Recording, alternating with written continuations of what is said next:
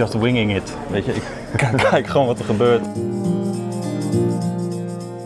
Vandaag wandel ik met Robin van der Helm door het centrum van Oosterhout. Jarenlang heeft Oosterhout zijn aandacht gehad als mens en politicus, maar nu richt hij zijn blik op een ander doel.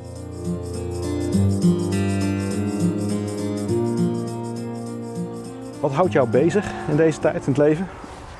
En waarom doe jij wat je doet? Het zijn twee hele simpele Zo. vragen Ja, om te stellen. Eh, Het is simpel om te stellen, maar moeilijk om te beantwoorden.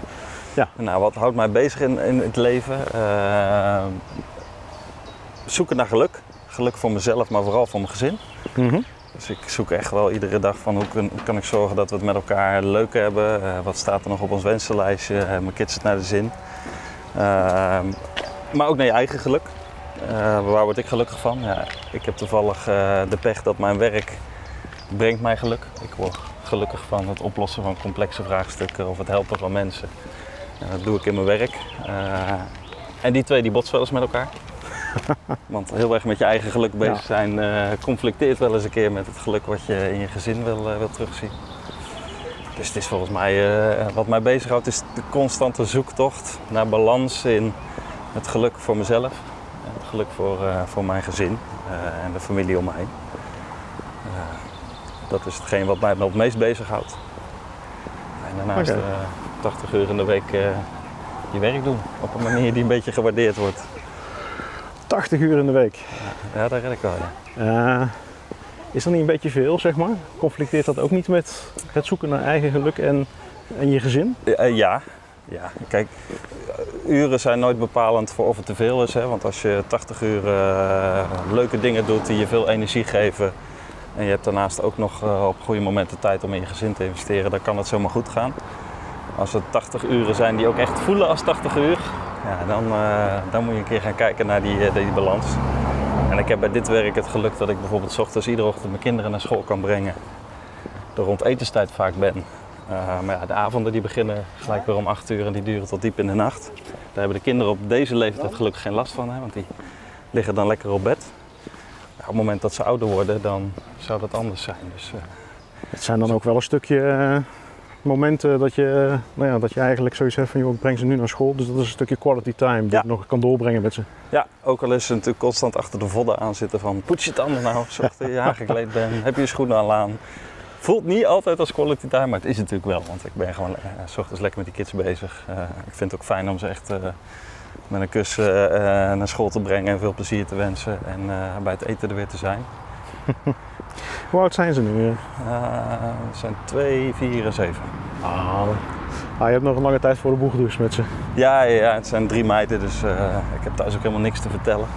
Dus misschien zoek ik ook wel een beetje compensatie in mijn werk. Vandaar de 80 uur. eh, Klopt. ah, maar dat zijn dus de dingen die jou drijven zo'n beetje, dat, dat Ja. zoeken naar geluk. En, maar wat, wat houdt je dan echt bezig? Eh, wat, wat, wat, wat zijn de dingen waar jij nu, nou ja, de vraagstukken waar jij je hoofd over breekt? Eh, ja, dat is een beetje lastig. Ik, ik, ik heb daarin soms ook wel eens moeite met mezelf. Ik ben heel erg eh wispelturig en ik vind alles leuk. Ik geniet van het restaureren van een auto. Ik eh, knutsel eh, graag, hè, dus ik werk heel graag met mijn Mhm. handen. Maar aan de andere kant eh, kan ik ook niet zonder het werken met mijn hoofd. Dus als mensen zeggen we hebben een probleem, we komen er niet uit, maakt niet uit waar het over gaat. Ik word gelukkig om dan te zeggen, kom maar hier en dat, dat gaan we oplossen. Oh. Eh, en en dat geeft soms wel zo onrust, omdat ik zoveel wil en alles leuk vind en alles interessant vind. Als het door anderen niet gedaan kan worden, maakt niet uit wat, dan word ik enthousiast. Dan denk ik, nou, la- laat maar eens proberen. Eh, maar het mezelf tot een soort focus brengen van ja, maak nou eens een keuze, waar ben je nou echt goed in, wat wil je nou echt doen? Dat is wel mijn valkuil. Daar hou ik me nog eens een keer bezig. Typisch voorbeeld van eh man als probleemoplosser. Ja, ja. En ik pretendeer niet dat ik alle problemen kan oplossen, maar ik word er wel gelukkig van om te proberen. Ja, dat, eh, En ook, een, st- als man kan ik me dat beamen. Maar Ja, en ook een stukje meerwaarde creëren ergens voor. Kijk, eh, als ik iets doe waarvan ik zie dat iemand anders het waardeert of eh, dat het eh, ergens aan bijdraagt, dat geeft mij wel een stukje voldoening. Volgens mij hebben de Japanners daar zo'n zo'n schema ooit een keer voor gemaakt, het Ikigai. Dus je wil er, wat mee, je wil er gewoon geld mee verdienen. Maar het moet ook maatschappelijk relevant zijn. Je moet er ook goed in zijn, maar er moet wel iemand op zitten te wachten. Uh, je, daar moet een soort Ja. balans in ontstaan. Datgene dat ik doe, ik wil er goed in zijn, het moet impact hebben, maar ik moet er natuurlijk ook een goede boterham mee verdienen. Eh, dus het is constant zoeken naar de balans tussen al die, eh, die elementen. En dat lukt je ook wel zo, die balans? Of is dat ook een van de redenen waarom je ja, nu toch wel een shift eh, maakt? Nou, dat, dat is een mooi voorbeeld. Tot de afgelopen vijf jaar had ik het idee dat dat echt wel in balans was. Ik was bezig met dingen waar ik gelukkig van werd. Ik kon er mijn gezin van onderhouden. En ik had ook wel het idee dat er mensen wel op zaten te wachten, hè, dat ik ergens toe bijdroeg. Mhm. Op een gegeven moment is het dan wel een beetje de rek eruit, vooral in het stukje uitdaging. Eh, heb ik nog het idee dat ik echte dingen doe waar ik heel erg goed in ben. Zijn er geen andere mogelijkheden om mijn talent in te zetten? Ja, dat moment kwam nu. Dus het is een hele vanzelfsprekende eh, overstap. Waarin ik ook echt wel luister naar mijn eigen gevoel van ontwikkeling. Van waar kan je die balans weer opnieuw herpositioneren. Dat is een typisch voorbeeld van echt luisteren naar, eh, naar, naar jezelf. Ja. En gaan voor je eigen geluk. Ja.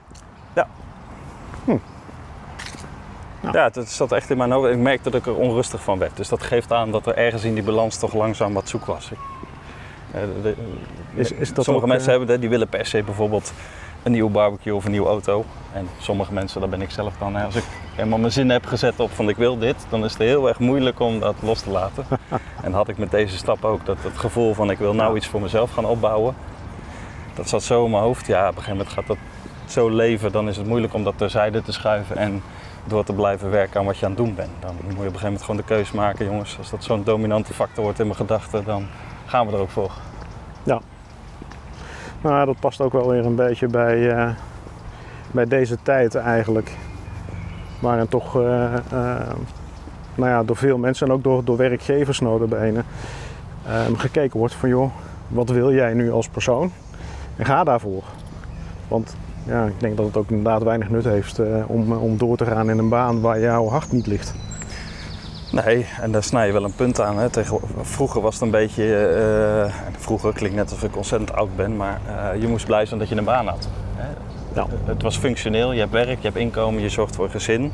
En ga niet lopen miepen over eh, dat het eh, je droombaan moet zijn of eh, wat die luxe is, eh, is voor weinig weggelegd. En op een gegeven moment kwam daar die beweging natuurlijk van je moet doen wat je leuk vindt en je moet je hart volgen. Eh, ja, dat is heel erg leuk, maar als jij het niet in huis hebt om piloot te worden, dan kan je droombaan wel zijn om piloot te worden. Maar dan moet je even toch Ja. een klein stapje terug naar de realiteit. Maar die gedachte blijft wel spelen. En in deze tijd waarin letterlijk het werk voor het oprapen ligt, want er is meer werk dan dat er mensen zijn, zie je toch terugkomen dat ehm, de, de ruimte voor geluk van medewerkers en hun eigen ontwikkeling een steeds prominentere rol krijgt in eh, filosofie over hoe je je bedrijf gezond maakt. Want, want de werknemer is op dit moment denk ik het meest belangrijke en het meest eh, invloedrijke kapitaal dat je als organisatie of bedrijf hebt. Dus die moet je koesteren. En koesteren doe je door ze te laten groeien en te laten ontwikkelen. Al willen ze een cursus Spaans, terwijl ze dat helemaal niet voor hun werk nodig hebben. Ja, ik zou zeggen, geef het ze. Als dat Ja. zorgt voor geluk en commitment, ja, doen. Ja, het is, het is ook een stukje binding inderdaad. En geeft de mensen de kans om zichzelf te ontplooien.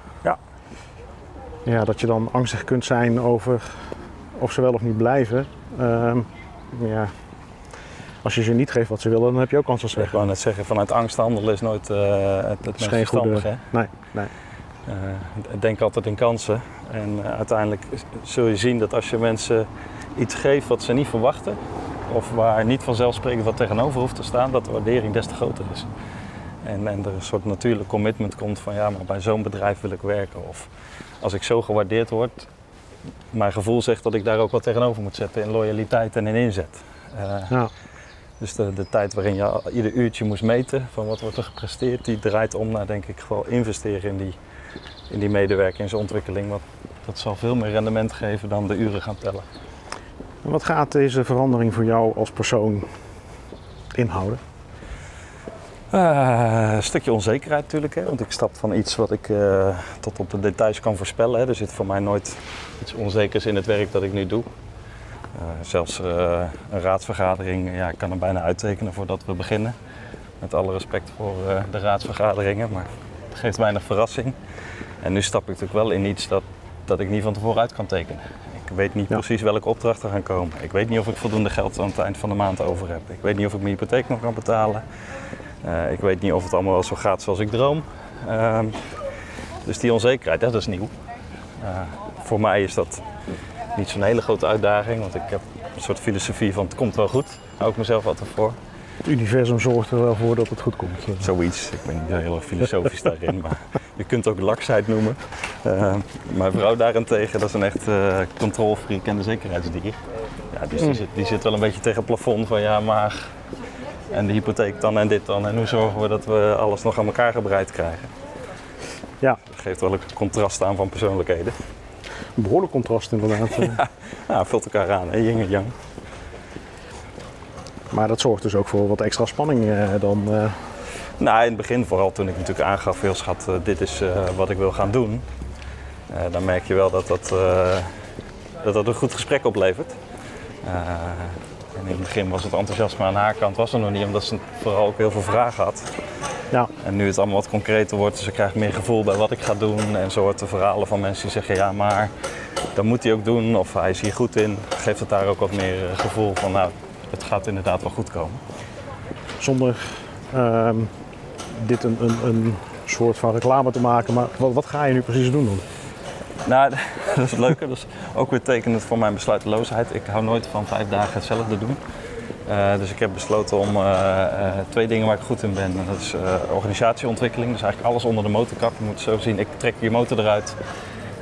Ik haal hem helemaal uit elkaar. Ik bouw hem op een nieuwe manier in elkaar, zodat hij beter rijdt, langer rijdt en, en fijner rijdt. Ja, dat doe ik met een organisatie, of het nou een gemeente is of een commerciële partij.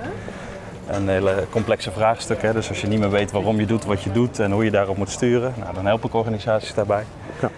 En een paar dagen in de week eh, eh, wil ik me ook richten op eh, creatieve gebiedsontwikkeling. Dus bijvoorbeeld, we lopen nou in de binnenstad, weet je, zo'n traject, zo'n transformatie van een binnenstad. Waarbij er heel veel belangen met elkaar botsen. Partijen elkaar eigenlijk niet kunnen vinden, maar elkaar wel nodig hebben voor de oplossing. Ja, dat soort trajecten die pak ik, pak ik ook graag op. Een soort verbinding, eh, verbinder zijn, zeg maar. Ja, kan, kansen zien en, en partijen weten te verleiden om hun belangen samen te brengen tot, eh, tot een mooi project waarbij je en kennis van de inhoud weet te combineren met kennis van de mens. Ik merk vaak dat in het veld hè, de concurrenten die richten zich ofwel op de menskant, maar die snappen niks van de inhoud. Of die richten zich op de inhoud en die snappen niks van de mensen die ze aan tafel hebben. Ja. Ja, en ik probeer beide met elkaar te combineren. ja, dat is wel een hele uitdaging dan.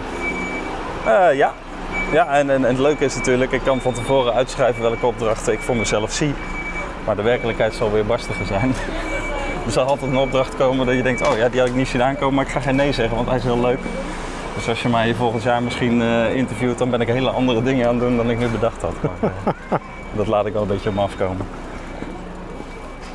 Ja, ik volg jou, hè, Robin. Dus, ja, eh, ik- eh, als we geen last hebben van het achtergrondgeluid, dan is het misschien wel leuk om... eh, Nee, op zich hebben we daar geen last van. Dus, oh, dat wordt binnenkort weer eens eh, langs met het eh, zie. ja, ja, die kunnen eindelijk weer. Hey, maar dit, dit, dit, dit volgen van jouw hart, van het doen wat je leuk vindt, van al die verschillende activiteiten dus. Ehm daar hebben ze een leuke term voor, multipotentialite. Eh, je hebt meerdere talenten, dus je wil ze ook allemaal kunnen ontplooien. En je schiet ook alle kanten op met activiteiten. Hoe, hoe heeft dat jou als, als mens dan eigenlijk gevormd? Ehm, ja, dat, dat vind ik lastig, want eh, dan wil je het bijna vergelijken met andere mensen. Maar ik kan niet bij andere mensen in het hoofd kijken. Dus wat voor mij een vanzelfsprekende manier van leven is. Ik weet niet of andere mensen ook zo denken en kijken naar hun leven. En wat ik gewoon zie is, eh, eh, ja, volgens mij hebben ze in het Engels daar zo'n term voor, just winging it. Weet je, ik kijk gewoon wat er gebeurt en ik zeg, als iemand zegt, kun je dit? Ja. Dan zeg ik ja en dan gaan we het doen. Eh, ik ben ook nooit bang om eh, heel vaak denken mensen, ja, daar moet je voor geleerd hebben of daar moet je voor gestudeerd hebben. Ja, ik kom uit een generatie die achter de computer kruipt en in één avond tijd alle wetenschappelijke onderzoeken die je kunt vinden leest. En dan zeg ik de volgende dag, ja, weet je, ik weet er genoeg van, aan de slag. En als je zo in het leven staat en ook in je werk, dan blijf je constant leren en ontwikkelen. En dan is het het oude adagium van je bent in één ding heel erg goed, want je kunt nooit in heel veel dingen van heel veel dingen veel weten. Ja, ik vind dat onzin. je kunt best van heel veel dingen heel veel weten. Ja. Als je maar constant jezelf blijft triggeren om kennis te vergaren en het op te zuigen en er wat mee te doen. Dat is wel een beetje my way of life. Dat ik iedere keer weer wat nieuws vastpak en alles ervan wil weten wat er te weten valt. En ook mijn eigen visie erop ontwikkel. Ja, Het feit dat iemand zegt we doen het al 30 jaar zo, is voor mij nooit een argument om te zeggen dus je hebt het bij het juiste eind. nee, het kan altijd anders natuurlijk. En dat wil misschien niet zeggen of het wel of niet beter is, maar het hoeft niet op die manier. Ja, dat is wetenschap. Hè? Het, het- iets is wetenschappelijk aangetoond tot een ander eh, het tegendeel bewijst. En Dat is is dat zo. de eh, geldende opvatting. Ja. Just winging it, ja, inderdaad. Gijs Kans eh, zou zeggen, ik loop maar wat. Precies. Oftewel, jij gewoon wat doen en eh, zien wel waar het uitkomt. Maar eh, heel eerlijk gezegd, ik herken wel een, groot deel van wat jij zegt in, nou ja, in mijzelf dan. Ik vind het ook leuk om met verschillende dingen bezig te zijn. En ja, het is gewoon een kwestie van even ergens induiken om, je, om het je eigen te maken. En ja, aan de gang. Ja, ja natuurlijk. Ik, ik kies natuurlijk ook geen dingen waar, hey, waarvan ik weet dat ik er niet goed in ben. Je zal me nooit zien dansen. Je zal me nooit horen zingen. Weet je, daar ben ik gewoon echt een drama in. Eh, dus dat ga ik ook niet doen. En zo zijn er wel dingen waarvan ik inschat van ja, daar moet je mij niet van vragen. En daar ga ik me ook niet. Ik ben geen accountant. Dus eh, ik ben op zich goed met cijfertjes en financiën, dat gaat prima. Maar ik zal nooit een accountant zijn en ook worden. Dus je, daar blijf ik dan ook weg van. Dus Ja. Ik merk wel dat je automatisch wel een beetje in die zoektocht de keuzes maakt van dit ligt me lekker en daar, daar ben ik van nature goed Het is wat te zwaar. dit eh, kleine pauze nou.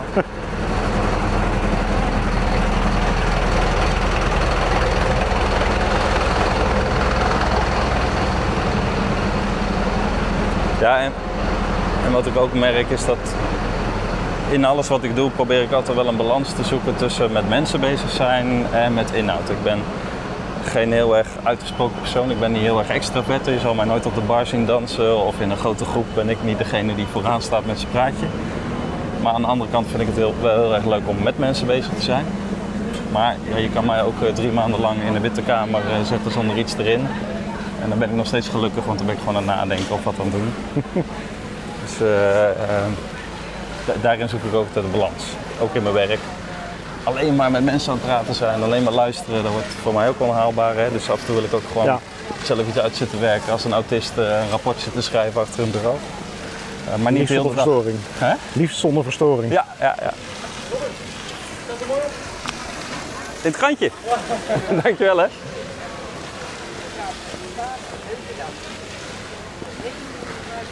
Erkenning van wat je doet, is dat ook wel een deel van wat, jij, eh, wat voor jou belangrijk is? Nee, nee, daar ben ik echt eh, heel erg slecht in.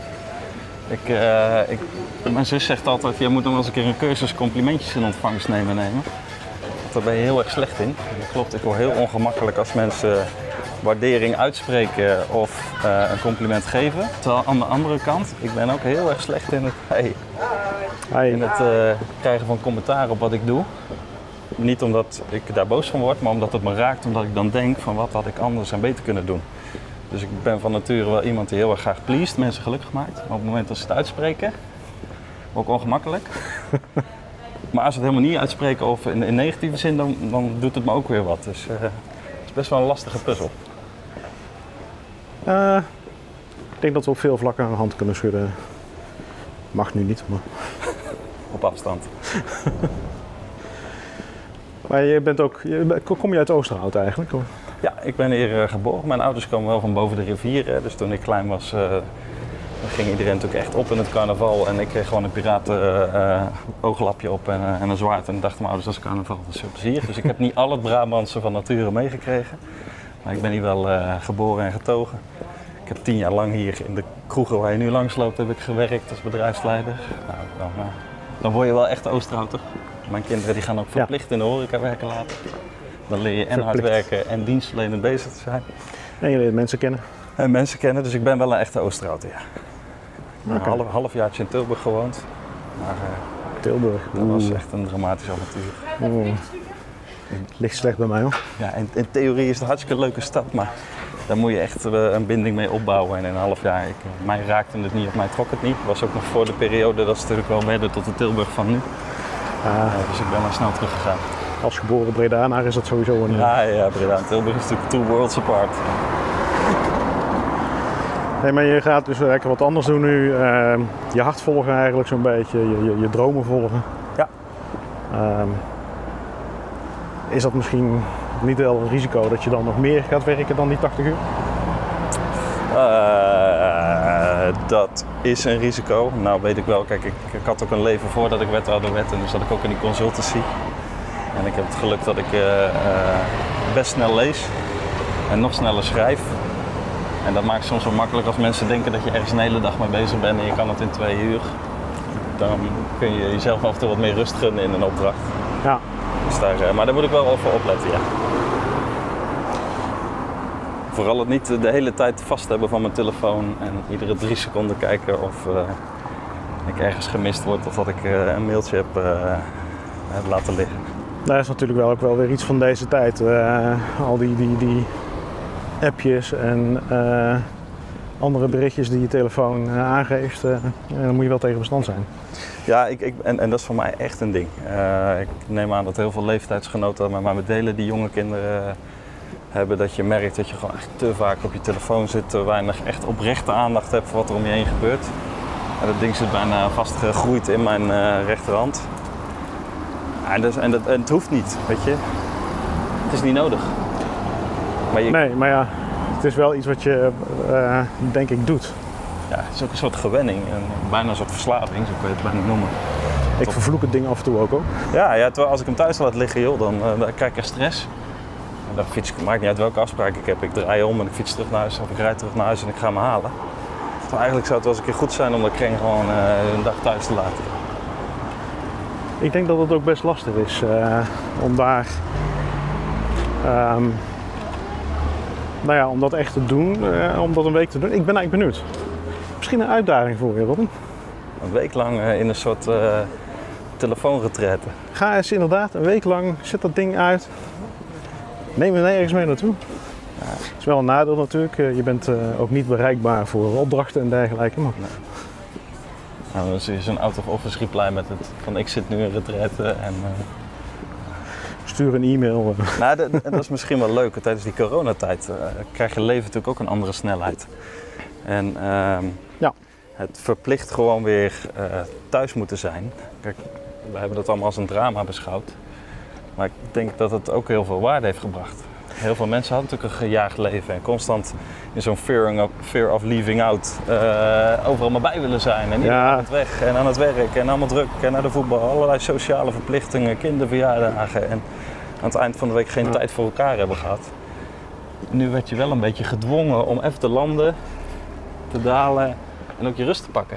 Heeft Ja. deze periode ook wel zeg maar, eh, gezorgd voor een soort van stroomversnelling van je... Van je Heren, hallo. hey, zeker, Ja? zeker. Heeft dit ook wel eh, gezorgd voor een eh, stukje stroomversnelling van je, eh, nou ja, van je ideeën om voor jezelf te, te starten? Eh, ja en nee, in, in, in het gevoel wel. Want eh, je hebt natuurlijk nog meer tijd, of tenminste nog meer opvatting over wat je zou kunnen brengen in dat werk. Eh, aan de andere kant, eh, die coronatijd was een hele drukke periode als wethouder. Ontzettend veel eh, werk moeten verrichten om daar een beetje samen met die stad en eh, met de mensen regie op te voeren. Dus ik had het extra druk. Ehm, en daardoor minder tijd om er echt even, even lekker voor te gaan zitten van wat ga ik nou doen. Dus het is een beetje dubbel. Eh, het was voor mij ook wel een beetje de bevestiging dat de rek eruit was in dit werk. Ja.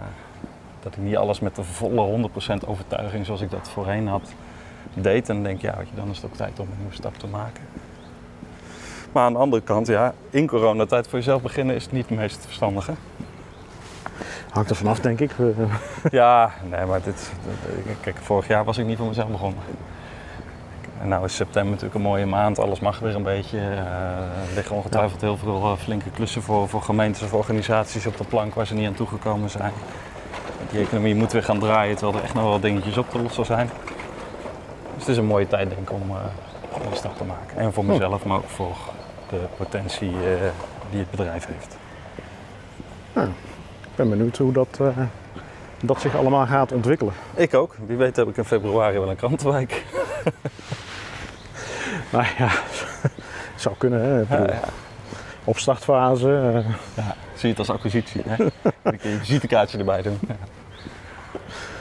Ja. Dan moet je wel de juiste wijk hebben om je kranten te mogen bezorgen natuurlijk. Constant in de brandelaan en weer rennen. Ja, ik, ben, eh, ik ben echt benieuwd eh, serieus eh, hoe de, wat dit jou gaat brengen. Dus misschien dat ik jou nog wel een keer eerder, of een keer eerder, op een later tijdstip een keer bevraag. Aan de tand voel van, joh, wat heeft het je nou gebracht?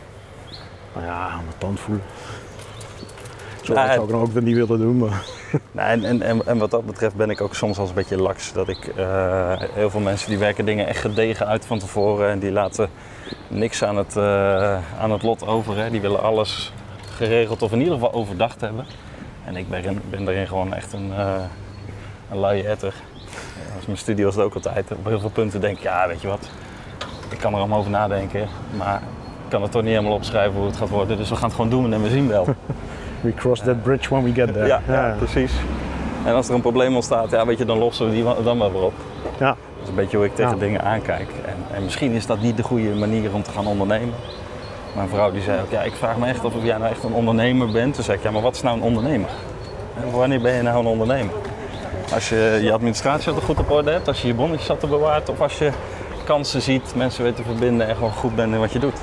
Zeg iemand anders kan mijn bonnetjes wel indienen hoor. Dat mijn administratie misschien een drama is, ja weet je, het hoeft voor mij nog geen slechte ondernemer te maken als ik daar iemand voor vind die dat voor me regelt. Ik heb daar eh, op internet ook wel eens een keer eh, wat leuks over gelezen inderdaad. Je hebt ondernemers en je hebt entrepreneurs. Ondernemers, dat zijn de mensen die gaan om iets op te bouwen. Liefst ook daar eh, zo groot mogelijk van willen worden. En je hebt entrepreneurs en dat zijn mensen die, nou, begin gewoon, we starten en we zien wel hoe het komt. En gaat het niet, dan begin ik wat anders. Gaat het wel, verkoop ik het. Ja, dat is ook, bij mij is het niet zozeer de drive om van ik wil een bedrijf en dat moet groot worden en ik wil zoveel verdienen. Voor mij is het ook invulling geven aan eh, een, een vorm van dienstverlening waar ik in geloof, die ik mis in de markt. Hè. Dus ik wil iets maken of iets bouwen wat ik mis of waar ik een kans toe zie. Mhm. En ik wil dat zelf doen. Ja, ben je dan een ondernemer of een entrepreneur? Ja, volgens de geldende richtlijnen ben je dan een entrepreneur. Kijk, en- en als dat, eh, als dat succesvol wordt en eh er moet man bij, tuurlijk, dan, dan word je langzaam natuurlijk ook gewoon een organisatie. Maar voor mij staat eh, eh, de overtuiging, hey, Hey. aan, aan het werk of eh, een leuke plek? Voor mij staat het, eh, het blijven doen wat je doet met overtuiging staat wel centraal. Hè? Ik zie heel vaak mensen Mhm. die zijn iets begonnen vanuit een overtuiging of met de simpele visie ik wil gewoon geld verdienen. En dan staat inderdaad groei en winstmaximalisatie, opdrachten binnenharken, volume staat dan centraal. Maar als je die dan op de man afvraagt, jouw beginvraag, waarom doe je wat je doet? En dan zie je ze wel een beetje stotteren. Ja, ja, ja, ja. omdat het kan, of omdat we hier geld mee verdienen, of omdat de markt erom vraagt. Maar de echte intrinsieke motivatie van wat wil je hier nou mee bereiken? Hè? Wat, wat, wat brengt jouw product, wat brengt jouw dienst nou? Ja, daar moet ze te lang over nadenken. Ja.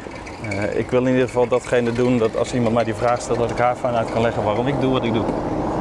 Eh, die, die Simon Sinek eh, cirkels, why, what, how. Die why-vraag moet wel altijd centraal staan. Nee, ik vind dat eerlijk gezegd, eerlijk gezegd wel echt wel een, een, een, nou ja, een belangrijke vraag die je eigenlijk altijd met alles wat je doet in het leven zou moeten stellen. Waarom? Waarom doe ik wat ik doe? Omdat ja, dat- nou, helemaal, helemaal eens. En hij lijkt filosofisch, hè? Maar ook vakinhoudelijk is hij zo ontzettend belangrijk. Want hier bij ons bij de gemeente, zonder mijn collega's af te vallen, heel vaak als je op de man afvraagt waarom doe je wat je doet, dan komen daar de vanzelfsprekende reflexen uit van ja, omdat we dit altijd al deden. Of omdat ik dit zo heb overgenomen van mijn collega. Of omdat de raad dat ooit een keer heeft besloten. Maar echt het intrinsieke doel hè, van ja, maar oké, wat, wat levert het nou op? En wat breng je? En waarom? En kan niemand anders het? En hoe doe je het dan goed? En dat zijn vragen waar te weinig bij wordt stilgestaan. Ja, de, de, de zogeheten systeemwereld. Hè? Zo Ja. van, nou ja, dit is nou eenmaal het proces en het protocol en Ja. dus wij volgen dat. En, en de wereld om ons heen verandert zo ontzettend snel. Niet alleen de wereld, maar eh, zo'n raad besluit ook dingen eh, op basis van de informatie die zij kennen en Ja. hebben. En de persoon die het uit moet voeren, die kan veel beter aangeven van ja, maar dat, als je het nou zo doet, bereik je ook wat je wil, maar dan is het veel beter. Want Ja. Of jongens, eh, vier jaar geleden heeft hij dit besloten, maar vier jaar geleden zag uh, Oosterhout er anders uit. Of zaten we in een andere tijdspan. Dus ik, ik vraag me af of we dit nog wel moeten doen. Ja, stel, het, te- stel het ter discussie. Weet je, iedere, het is niet bedoeld om alles om te gooien, maar een kritische vraag kan weer aanzetten tot nadenken en daarmee verscherping van je product of je dienstverlening. Ja, ik denk dat ja, niet alleen binnen het bedrijfsleven eh, zou je dat kunnen stellen, maar gewoon ook in je eigen leven. Ja, ja dat- ik weet nog wel, ik, ik heb ooit een keer een, eh, een organisatie mogen adviseren. En die zaten, was een familiebedrijf van, van eh, opa en vader en zoon, al drie generaties deden ze wat ze deden, zaten in de bouwwereld. En eh, ik kwam daar binnen en als voorbeeld over hoe moeilijk het is om te transformeren, begon ik gelijk mijn eh entree van ja, de koffiezetapparaat staat natuurlijk helemaal, helemaal kloot hè. Dus die mannen keken me al gelijk geïrriteerd aan van jezus, wat is dit nou voor- openingszin, waar heeft hij het over? Ik zei, ja, het staat verkeerd. Ja, maar hoezo? De eerste reactie was, ja, maar dat koffiezetapparaat staat er al tien jaar en dat staat er prima. Heeft nog nooit iemand over geklaagd. En jij komt hier binnen en je begint meteen te klagen. En toen zei ik, nou, ik kom hier binnen met een andere blik en ik zie dat de deur open gaat. Waardoor je niet meer bij het koffiezetapparaat kan zijn. Terwijl als je maar aan de andere kant zet, dan gaat de deur de goede kant op open en dan kan je altijd bij het koffiezetapparaat. En toen zag ik zo kijken, toen snapte ze wat ik bedoelde, hè, van iemand die Ja, onbevangen met een open blik dingen de- ter discussie stelt en niet in de valkuil stapt van ja, maar omdat we het altijd al zo deden, brengt ook verbetering met zich mee. ja, En, en dat is wel iets, dat is best moeilijk om te doen, omdat het ook heel vaak over gevoel gaat. Mensen die zich aangevallen voelen, verandering is spannend, eh, niet hebben van grip op dingen.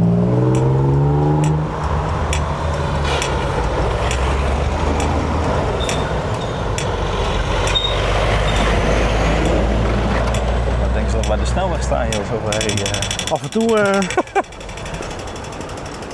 zou je bijna denken dat Zandvoort ja. een stuk dichterbij ligt.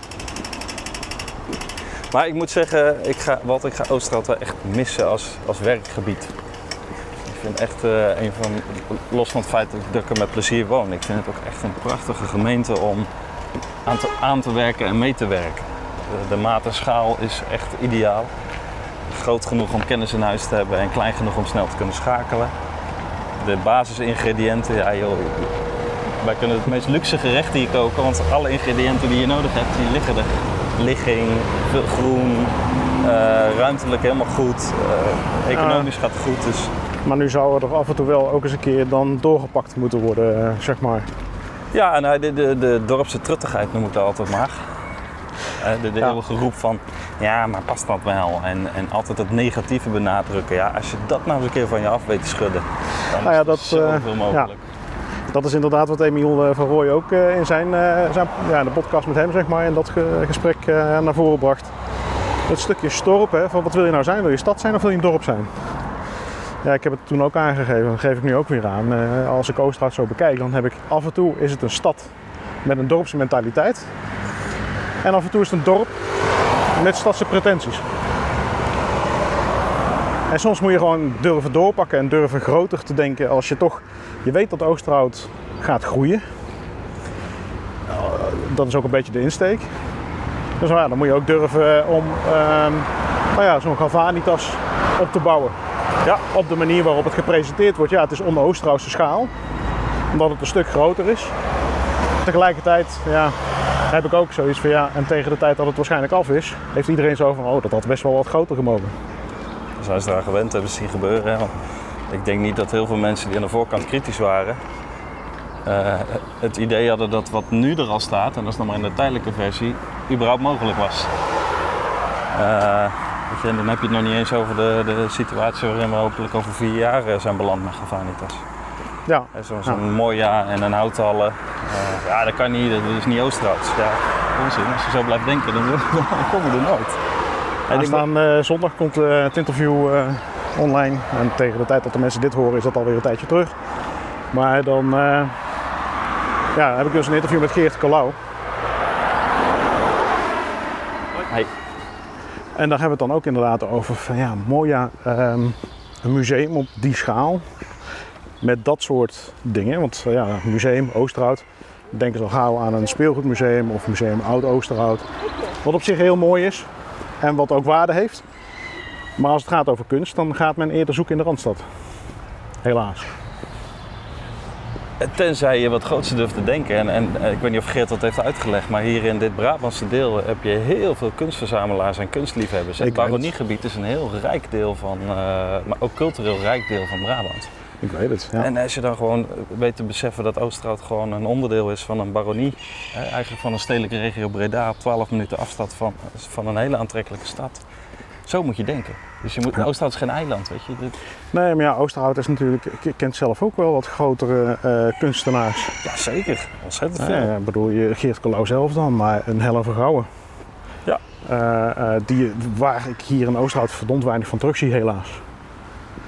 Eh, maar ja, zo zijn er nog veel meer namen. Eh, Ja, eh, Piet Homan, ja, helaas is hij niet meer natuurlijk, maar dat is ook een vrij grote naam. Nee, maar ik, en, en je hebt altijd actieve mensen nodig. Hè. Die stad wordt vaak gedragen door de, de voorzitters van. De voorzitter van de knutselclub tot en met de voorzitter van de Rotary. Het zijn die actieve mensen die je stad ook verrijken. Dus ik wil ze niet tekort doen. Maar ik merk in Oosterhout wel dat dat een beetje de, de inner circle van de Oosterhoutse 50 is. Weet je, ik zie altijd dezelfde mensen. Eh, ook van een bepaalde leeftijdscategorie die daardoor wel heel erg bepalend zijn voor wat Oosterhout is. En dan denk je, ja, maar Oosterhout is veel meer dan wat die 50 mensen vinden en denken dat Oosterhout is. En ik, ik hoor te weinig mensen, hoor ik. ik. De hele jongere generatie, de dertigers, met allerlei frisse ideeën, die succesvol ondernemer zijn, succesvol kunstenaar, eh, maatschappelijk geëngageerd, die hoor ik veel te weinig in het verhaal over wat Oosterhout is en zou kunnen zijn. Ik zie ze niet terug binnen het Oosterhoutse. Nee, ja, maar ik, ik snap het ook wel. Hè. Die zijn natuurlijk ontzettend druk bezig met hun leven. Die hebben allemaal jonge kinderen die denken, ja weet je, eh, allemaal leuk en aardig. Maar ik ga echt niet bij de Bunthoef eh, naar een inspraakavondje. Of eh, hartstikke leuk, maar gast van de raad, even it, ik heb wat anders te doen. Dus we missen ze ook echt. Terwijl dat is wel zonde, hè, want daardoor wordt de stad wel gevormd en gemaakt. Heel eenzijdig door een groep die daar geen aandacht voor heeft. En die dus onevenredig veel invloed heeft. Ja, Ja. precies. Is, Vind je niet dat, eh, en, en, en hiermee wil ik dan ook een beetje afsluiten, zeg maar, maar vind je dat dan niet van, dat is eigenlijk wel een stukje, nou ja, een, een- bijna teleurstelling voor je dat je dat nog niet hebt kunnen bereiken? Eh, ja en nee. Eh, ik heb me erbij neergelegd. Maar aan de andere kant heb kijk ik terug op een periode van vijf jaar waarin ik in ieder geval vanuit die filosofie zoveel als mogelijk heb proberen in te brengen. Eh, en eh, zonder Geert was er geen mooi jaar geweest. Maar zonder eh, het in gereedheid brengen van de gedachten van een raad of van een college om zoiets vorm te geven, was het er ook niet geweest. Dus ik hoop dat ik daar in ieder geval voor, vanuit die doelgroep denkend mijn steentje aan bij heb kunnen dragen. En ik wens mijn opvolger daar weer alle nieuwe frisse energie bij. Want die is weer wat jonger dan ik. Dus zo dragen we dat stokje eh, steeds over naar iemand die weer jong en fris binnenkomt. Ja. Dus eh, ik hoop dat hij eh, weer verder gaat waar ik gestopt ben. We nemen afscheid bij het stadhuis waar Robin zijn laatste weken werkzaam zal zijn. Niet dat hij uit het Oosterhuizen verdwijnen zal. Daarvoor zit deze stad hem te veel in zijn vezels en we zullen dus vast nog wel van hem horen de komende jaren.